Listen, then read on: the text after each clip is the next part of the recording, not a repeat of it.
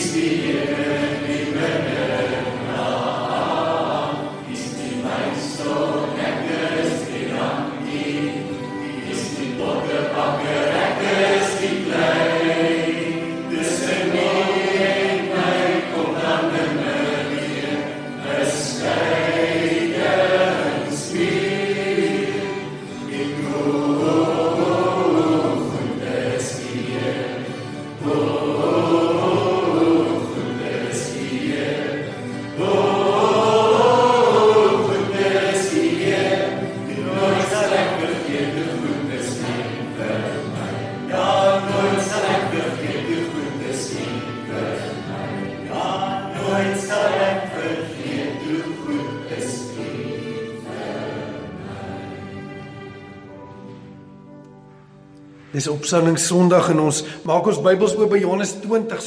Die bekende verhaal soos wat Johannes dit vertel van die opstanding van Jesus. Ek gaan dit so deels lees en u wat inskakel deur die radio kan u Bybel by Johannes 20 oophou want dit gaan oor die hele Johannes 20.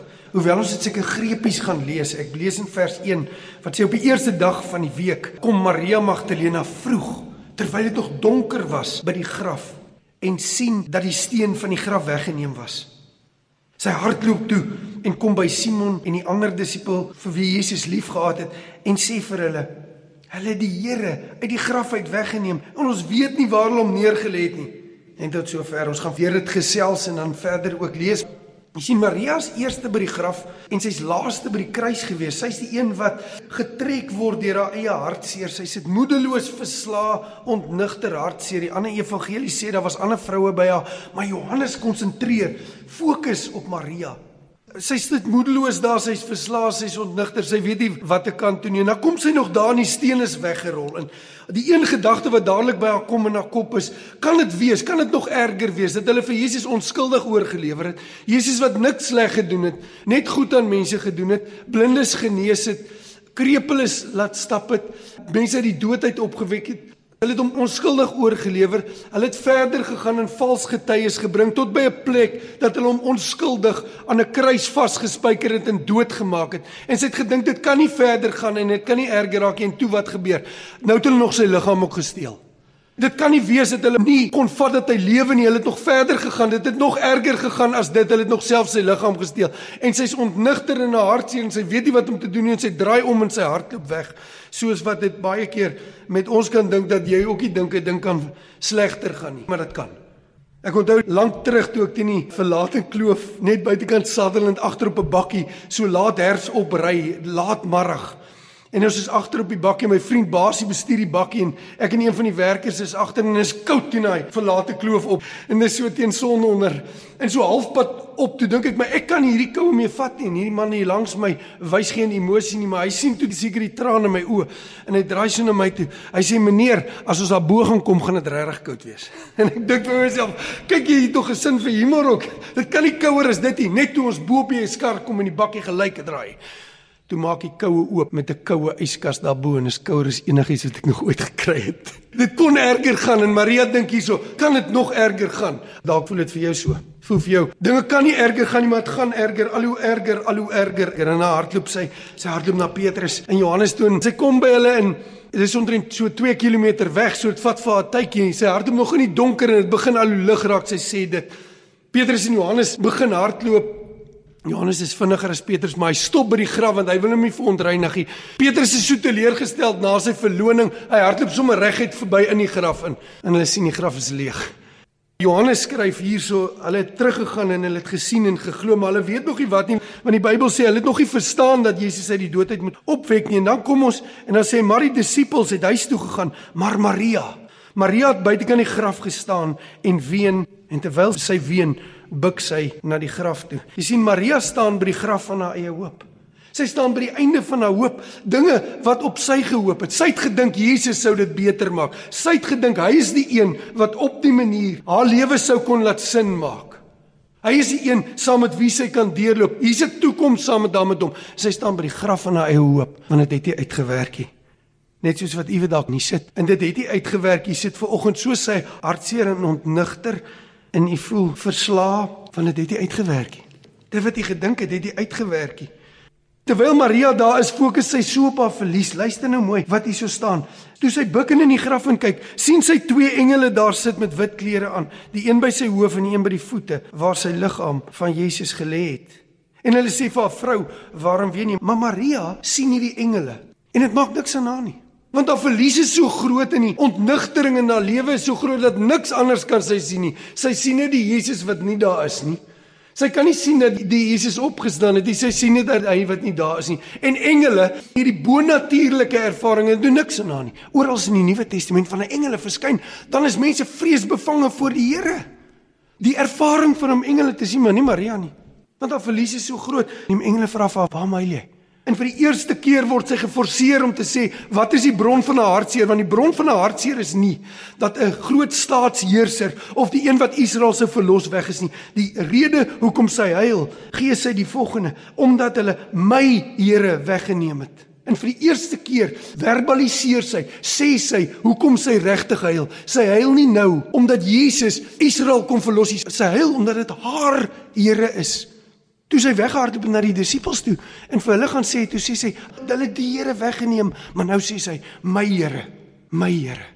Jy sien vir die eerste keer besef sy die diepte van haar hartseer is omdat dit haar Here is. En dan beleef sy iets agter haar. Soos wat jy baie keer agterkom, hier staan iemand agter jou en jy weet net dis soos iemand. Sy draai so half om, dit raak lig en Jesus staan agter na eerste oogopslag, dink sy dis die tuinier en sy sê, "Waar het hy hom weggelê?" Toe draai sy en Jesus agter haar en sy sien hom staan en sy het nie geweet dat dit Jesus was nie en Jesus sê vir haar dieselfde vraag as die engele. Vrou, waar my jy? Maar hy sê iets by. Hy sê wie soek jy? Wie soek jy? Dis asof Jesus wil sê, Maria, soek jy my regtig? Die Here het my Here geraak. Soek jy my regtig? Hy sê nie net hoekom hy nie, hy sê wie soek jy? Want hy weet die antwoord vir haar vraag en die antwoord vir haar hartseer en die antwoord na haar verslaanheid lê nie in iets nie dit lê in iemand. Dit lê in 'n lewende persoon wat agter haar staan en dan sê Maria wie soek jy? En nou wil ek vir u sê waar u daar sit. En dinge het nie vir u uitgewerk nie. Jy het gedink dit dinge kan nie erger nie en dit het, het erger geraak. En die woon in Suid-Afrika nie is moedeloos. Dan sê die Bybel hierso wie soek jy? Wie soek jy in jou krisis? Wie soek jy Dieselfde het met Thomas gebeur. Kom ons gaan kyk na Thomas later in die hoofstuk. Jy weet op dieselfde dag, dan kom Jesus en hy maak homself aan sy disippels ook bekend. Hy maak hom aan sy disippels bekend, maar Thomas is nie daar nie. Thomas mis die aandiens. En al die disippels kry toe die belewenis van Jesus het opgestaan, maar Thomas was nie daar nie. Dan sê hulle vir hom: "Die Here het opgestaan, Thomas." Dan sê hy: "Nooit." Sal jy dit glo nie? Ek ken die storie van Thomas. Hy sê nee nee, as ek nie my vinger kan insit, jy sien? En as ek nie my hand kan druk in sy sy nie, sal ek nooit glo nie. En na 8 dae later, dan kom die Here. En dan verskyn hy aan Thomas en sê kom Thomas, kom gou gou hier. Sit gou jou vinger hier. Kom Thomas, sit gou jou hand in my sy. En dan maak Thomas hierdie uitspraak. Luister na Johannes 20. En Thomas antwoord en sê vir hom: "My Here en my God. Presies dieselfde gebeur met Thomas as wat met Maria gebeur het. Die Here raak sy Here. Jy weet die Here moet jou Here raak. Jy word nie deur ander mense se geloof gered nie. Die Here moet jou Here raak. Hy moet my Here raak. En in Thomas se uitspraak maak hy drie aardskuddende uitsprake, drie aardskuddende waarhede. As hy sê my Here en my God, die eerste is hy sê Jesus is God. Het jy al gehoor mense sê die Bybel nooit gesê dat hy God is nie. Thomas sê hierso, my Here en my God. Hy staan voor Jesus. Hy sê Jesus is God. God is geopenbaar in die vlees, dis die eerste ding. Duidelik en Johannes Evangelie sluit daarmee af. Die tweede is hy maak dit wat Sagaria 13 vers 9 gesê het. Hy het gesê wanneer die Messias kom, sal die volk sê, "My Here en my God." Maak hy dit waar? 500 jaar later spreek Thomas 'n profesie wat 500 jaar gelede gesê is. En in dit maak dit die Bybel tydloos en ewig waar, die woord van God. So Jesus is God. Tweedens, die woord is tydloos en die derde ding is reddende geloof. Is nie om te weet hy is die Here nie. Reddende geloof is om te sê die Here het my Here geword. Dis die moment wanneer Thomas lewend word, wanneer die Here vir hom my Here raak. Wanneer Maria staan en sê die Here is my Here, dis hom wat ek soek. Wie soek jy Maria? Thomas ek is nie maar net deel van 'n groep nie, ek is nie deel van die volk nie, ek is nie deel met 'n godsdiens besig nie. Dis my Here, dis my Here. Jy sien, die ou verbond was daarin gestel. En die Here telkens in die ou verbond die volgende gesê met Israel: Ek sal vir jou God wees en jy sal vir my volk wees. Dis die boodskap van die ou verbond gewees. Maar dan kom die Here in Jeremia 31, dan sê hy: "Maar ek gaan 'n nuwe verbond gee." Jesus stuur in die Messias, hulle weet dit nog nie. En ek gaan 'n nuwe verbond daar stel en weet jy wat gaan daai nuwe verbond wees? Dit gaan nie meer soos 'n ou verbond wees wat sê ouers het groen druiwe geëet en die kinders se tande raak stomp nie. Nee, elke een gaan self die Here as Here moet ontmoet. Elke persoon gaan op sy eie moet kniel en buig voor die Here. Nie 'n volksgodsdiens nie. Nie dit is waar ek groot geword het nie. Elkeen gaan persoonlik moet word.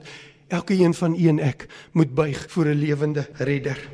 Jare gelede, jy onthou nog daai praatprogram oor RSG sê wie goeiemôre van Nikki van der Berg. En daar was baie godsdienstemas wat bespreek is en een môre en ek onthou dit nog so goed, so ek gaan nie sin vir jou aanhaal wat daai môre gesê het. 'n Man sê die volgende toe Nikki van der Berg vir hom iets sê, toe sê hy: "My Here, ja Nikki, ons is tog almal Christene." En ek wil skree en sê: "Nee, ons is nie." Ons is nie almal Christene nie, want as jy so van hom praat, dan ken jy hom nie en hy's nie jou redder nie. Hy's nie die man daarbo nie. Hy's nie die een daarbo of die almagtige daar een kant nie. Hy wil jou redder wees. Dis nie die nostalgiese God van my kinderdae as ek terugdink aan my ouerhuis. En ek verlang na my ma en my pa en kerk wees was ook half een van ons goeders op ons rak of ek het kerk toe gegaan op 'n Sondag nie. Al het ek dit gehaat nie. Dit is nie 'n kinderbybel godsdiens wat aan een kant is en almal weet Jesus het gesterf aan die kruis nie. Die Here moet my Here raak. Dis waaroor dit gaan. Jy sien niemand word gered as die Here nie my Here raak nie. En ek wens ek kan langs u sit vanoggend en ek wens ek kan saam met u gesels en sê, "Het die Here al my Here geraak in jou lewe?" Jy sien want Maria gaan na 'n graf toe en sy soek om eer te bewys en 'n dooie Jesus te dien. Dis wat sy gaan doen. Dis hoekom sy na 'n graf toe gaan. Sy gaan soek om krye daar te salf oor 'n dooie Jesus. Dis wat godsdiens doen. Jy's besig met baie aktiwiteite en jy eer oënskynlike dooie verlosser. En dan kom 'n lewende Jesus. En dan moet 'n lewende Jesus by die graf. En dan is dit heeltemal anders. Die lewende Jesus moet jou bedien, nie 'n dooie Jesus wat jy dien nie. Ek wens ek kan dit vir u self vra want ek sien in ons land so baie mense wat besig is met 'n dooie Jesus. Hulle het nog nooit by 'n lewende Jesus gekom wat voor hulle gestaan het en hulle op die naam geroep het nie. Die Here Jesus moet jou alleen kry soos Maria. Die Here Jesus moet na jou toe kom. Ek wil hê jy moet om ontmoet die opgestane Jesus en ek wil vir jou vra, het jy al die opgestane Jesus jou naam hoor sê? Want hy roep op by die naam. Hy weet wie sy is. Hy weet presies wie sy is. Hy ken haar smart en hy ken haar vrae. Hy weet wat sy mee struggle. Hy ken haar moedeloosheid en hy weet wie haar trane is. Hy weet presies wie sy is. Maar hy wil sê Maria, ek wil hê jy moet ontdek wie ek is. Ek weet wie jy is, maar ek wil hê jy moet ontdek wie ek is. Jy weet jy kry nie sielke in die Johari venster. Ken jy die Johari venster? Dis so 4 kwadrante. Kom ons gee gou.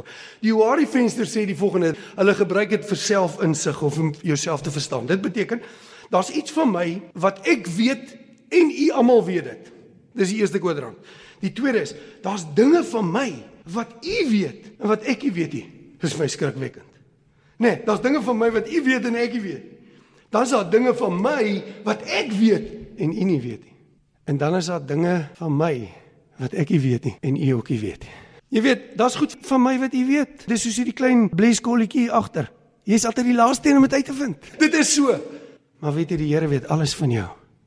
Hy weet al vier die kwadrante. En hy staan voor Maria en hy weet van alles van my en jou. Weet jy wat hoe ver gaan die Here elkeen van ons? Hy weet waar ek gebore is. Nog in my moeder se skoot het die Here my al gesien. Hy sien ongebore babas. Dis die waarheid. Die Here weet alles van jou. Die vraag vanoggend is nie weet hy alles van jou nie. Die vraag is ken jy hom? Of die vraag wat Jesus vir jou wil vra soos wat hy vir Maria gevra het is om te sê ek weet alles van jou. Maar jy moet uitvind wie ek is. Jy moet uitvind wie ek is. Jy sien in een woord wat hy voor haar staan en sê Maria kry haar alleen. Hy kry haar alleen soos wat hy die vrou by die put alleen gekry het. Met 'n vrou wat verlede gehad het, 'n geskiedenis gehad het en wat skaam gehad het en middagete na die put toe gekom het want die ander vrou het haar uitgeskuif, ontmoet hy haar alleen en hy weet alles van haar. Die Here moet jou alleen kry soos wat hy vir Saggeus alleen gekry het. Hulle het hom ook uitgeskuif. Toe gaan klim hy in 'n willevye boom en toe stap Jesus onder die boom deur en wat sê hy? Saggeus.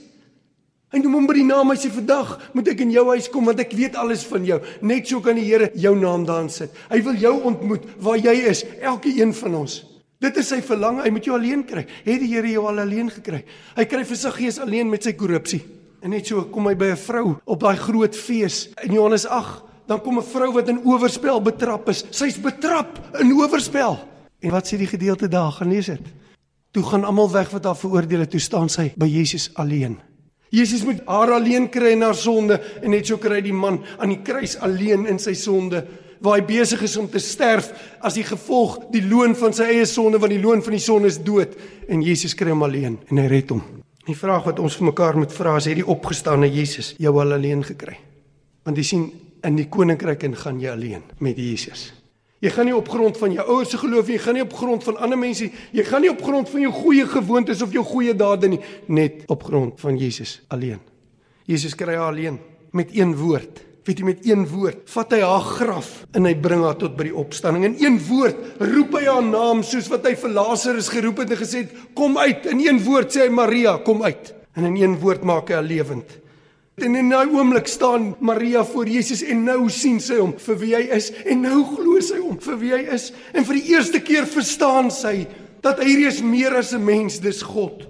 En vir die eerste keer sien sy dat die dood is dood en oorwin, die Satan is oorwin, die hel vir haar is oorwin, die oorwinning is behaal. Vir die eerste keer besef sy haar sonde is weg aan 'n kruis gespyker. Vir die eerste keer verstaan sy die woorde wat sy 3 dae terug by Jesus se kruis gehoor het toe hy uitgeroep het en gesê dit is volbring, tetelestai, die prys is betaal. En vir die eerste keer besef sy daai prys wat hy daarvan gepraat het was haar sonde. En vir die eerste keer as hy vir haar sê Maria, weet sy, hy bedoel die Maria, die vrou van Magdalena, Magdala nie.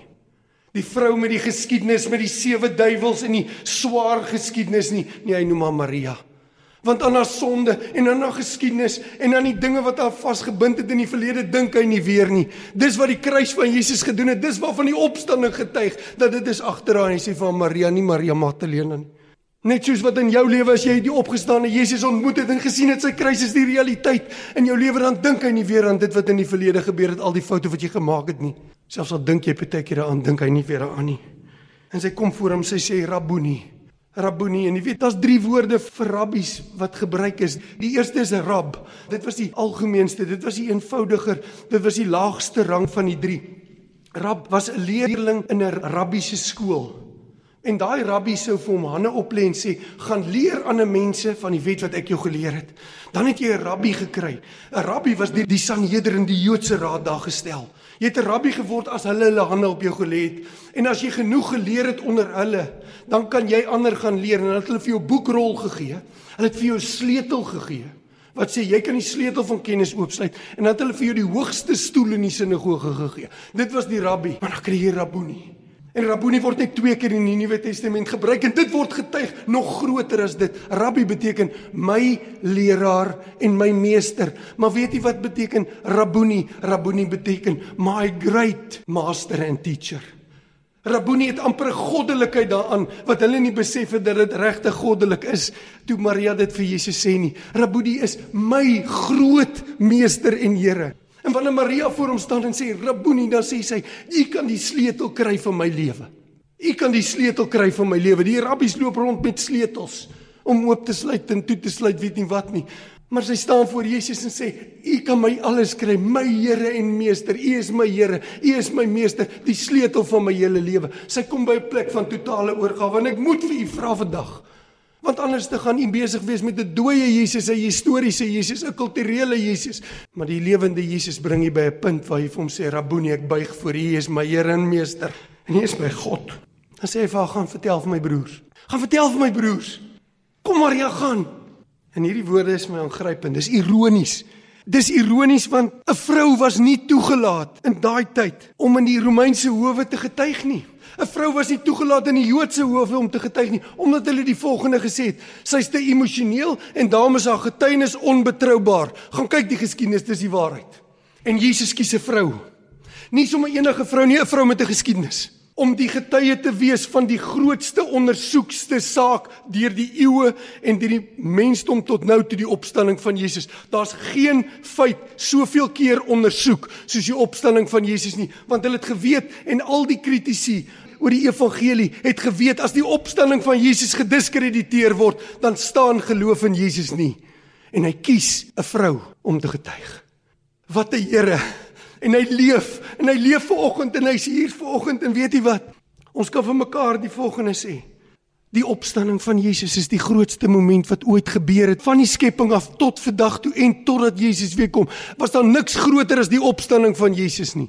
En ek kan net dink die grandstand van die hemel is reg en die sale van die hemel om te juig oor die oorwinning wat behaal is oor die dood. En Romeine sê die Gees getuig so kragtig van hierdie oorwinning in Jesus se lewe. in die getuienis dat die dood oorwin is. Maar waar kry jy die oorwinnaar? In die hemel besig om die accolades van die hemel te kry. Mag daar wees, maar waar kry jy hom? Jy kry hom besig om te wag in 'n tuin vir 'n vrou wat huil. Want dit is die verlosser. En dis die hart van God wat 99 los en een gaan soek. Dis die hart van Jesus wat my gekry het daar waar ek in my sonde gespartel het en my gebring het by die plek dat ek vir hom kan sê my Here en my God. Dit is die lewende God wat ons vind daar waar ons is. Niemand kom in die koninkryk as jy nie ontmoet het met die lewende Jesus wat vir jou sê ek wil jou Here wees nie. En hy sê jy kom soek want dit is sy hart. Dis die hart van God. En ons sien dit in Maria se lewe en ek wens ek kan langs hier staan vanoggend en ek wens ek kan vir u vra waar u staan. Want hy's soveel meer net as 'n godsdiens. Hy's 'n lewende God wat jou soek by die naam. En ek ken jou by die naam en hy weet alles van jou af maar het jy al ontdek wie hy is? Hy sê gaan na my broers toe. En jy weet, Jesus het tot op daai stadium vir hulle die volgende genoem. Hy het hulle diensknegte genoem aanvanklik en toe het hy 'n klomp geroep en hy het hulle disippels genoem. En in die laaste tyd het hy selfs vir hulle gesê, ek noem julle nie meer net dit nie, ek noem julle vriende. Maar dis die eerste keer wat Jesus hulle broers noem. Dis die eerste keer wat die getuienis kom dat Jesus is meer as dit, hy selfs ons ouer broer. Ek kan ingelei word in 'n nuwe bloedlyn en daarom sê Hebreërs 2, hy sal baie broers na die heerlikheid toe neem deur sy lyding heen. En hy vertrou Maria om dit te gaan sê. Kom ons kom terug by Suid-Afrika. Dinge lyk moeilik. Jy kan vanoggend voel jy voel duisternis sak rondom jou toe. Jy weet nie waartoe dinge gaan nie. Jy ry op die paai en jy wonder of dit ooit weer gaan beter wees. Daar's 'n neerslagtigheid wat op die neersak en jy weet nie meer nie.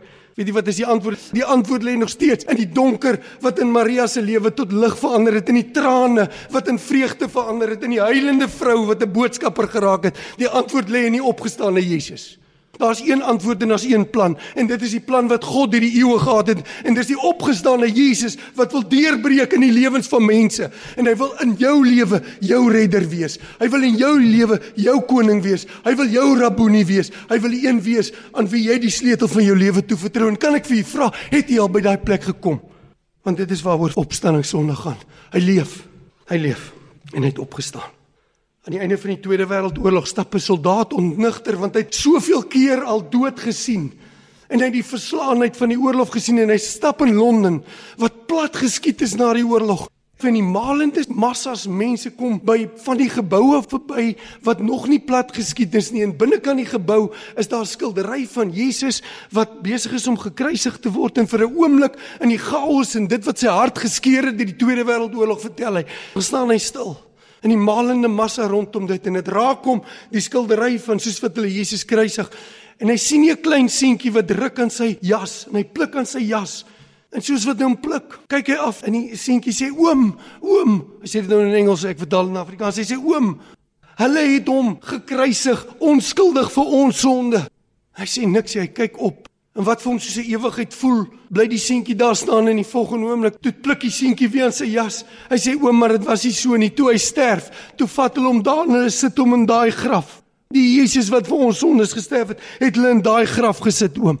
En hy sê toe hy gekonfronteer was met die seentjie wat sê toe hy dood is, toe ruk sy hart so want hy het soveel dood in die oorlog gesien en hy stap weg en die trane loop. Hy sê die trane loop en hy het 'n oomblik met sy verlosser wat hy weet hy het ook gesterf vir my en soos wat hy in die skare aanstap, hoor hy die voetstappe van 'n klein seentjie agter hom aanhardloop en toe hy omdraai, toe sê die seentjie: "Oom, oom, ek het vergeet. Hy het nie in die graf gebly nie. Hy het opgestaan en hy lewe vandag." En dit is die waarheid. Hy het nie in die graf gebly nie. Hy het opgestaan en hy lewe vandag en hy is die een wat met jou in 'n verhouding wil wees en wat voor jou wil staan en jou op jou naam noem. Hy weet alles van jou af. Maar het jy hom al ontmoet alleen met wie hy is? My skoonpa vertel dat sy ma al die jare op die plaas op Vryseburg het altyd die volgende gesê: "As ons groet, groet ons ordentlik." Ons woon ver hier so en as ons groet, groet ons ordentlik. As jy my groet, groet jy my met 'n zoen. Hulle het gegroet met 'n zoen groet, want jy groet ordentlik want die ouma het gesê, jy weet nooit wat gaan gebeur nie. Die vroeë kerk het altyd eens na mekaar gekyk en gesê, die Here het waarlik opgestaan en hy leef, want in dit is daar altyd 'n weersien. Ek groet u vandag deur te sê, hy leef. Hy het opgestaan. Ken jy hom? Amen. Sien my gees die glorie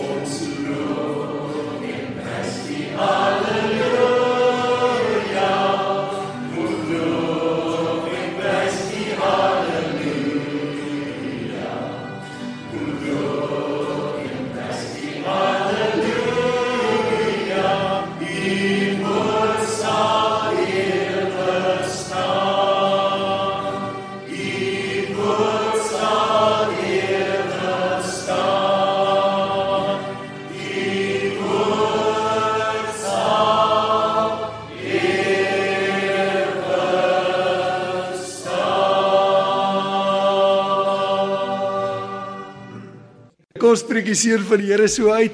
Die Here sal jou seën en jou behoed. Die Here sal sy aangesig oor jou laat skyn en jou genadig wees. Die Here sal sy aangesig oor jou verhef en aan jou sy vrede gee. En nou mag die genade van ons Here Jesus Christus en die liefde van God die Vader en die gemeenskap van die Heilige Gees met jou wees en bly. Amen.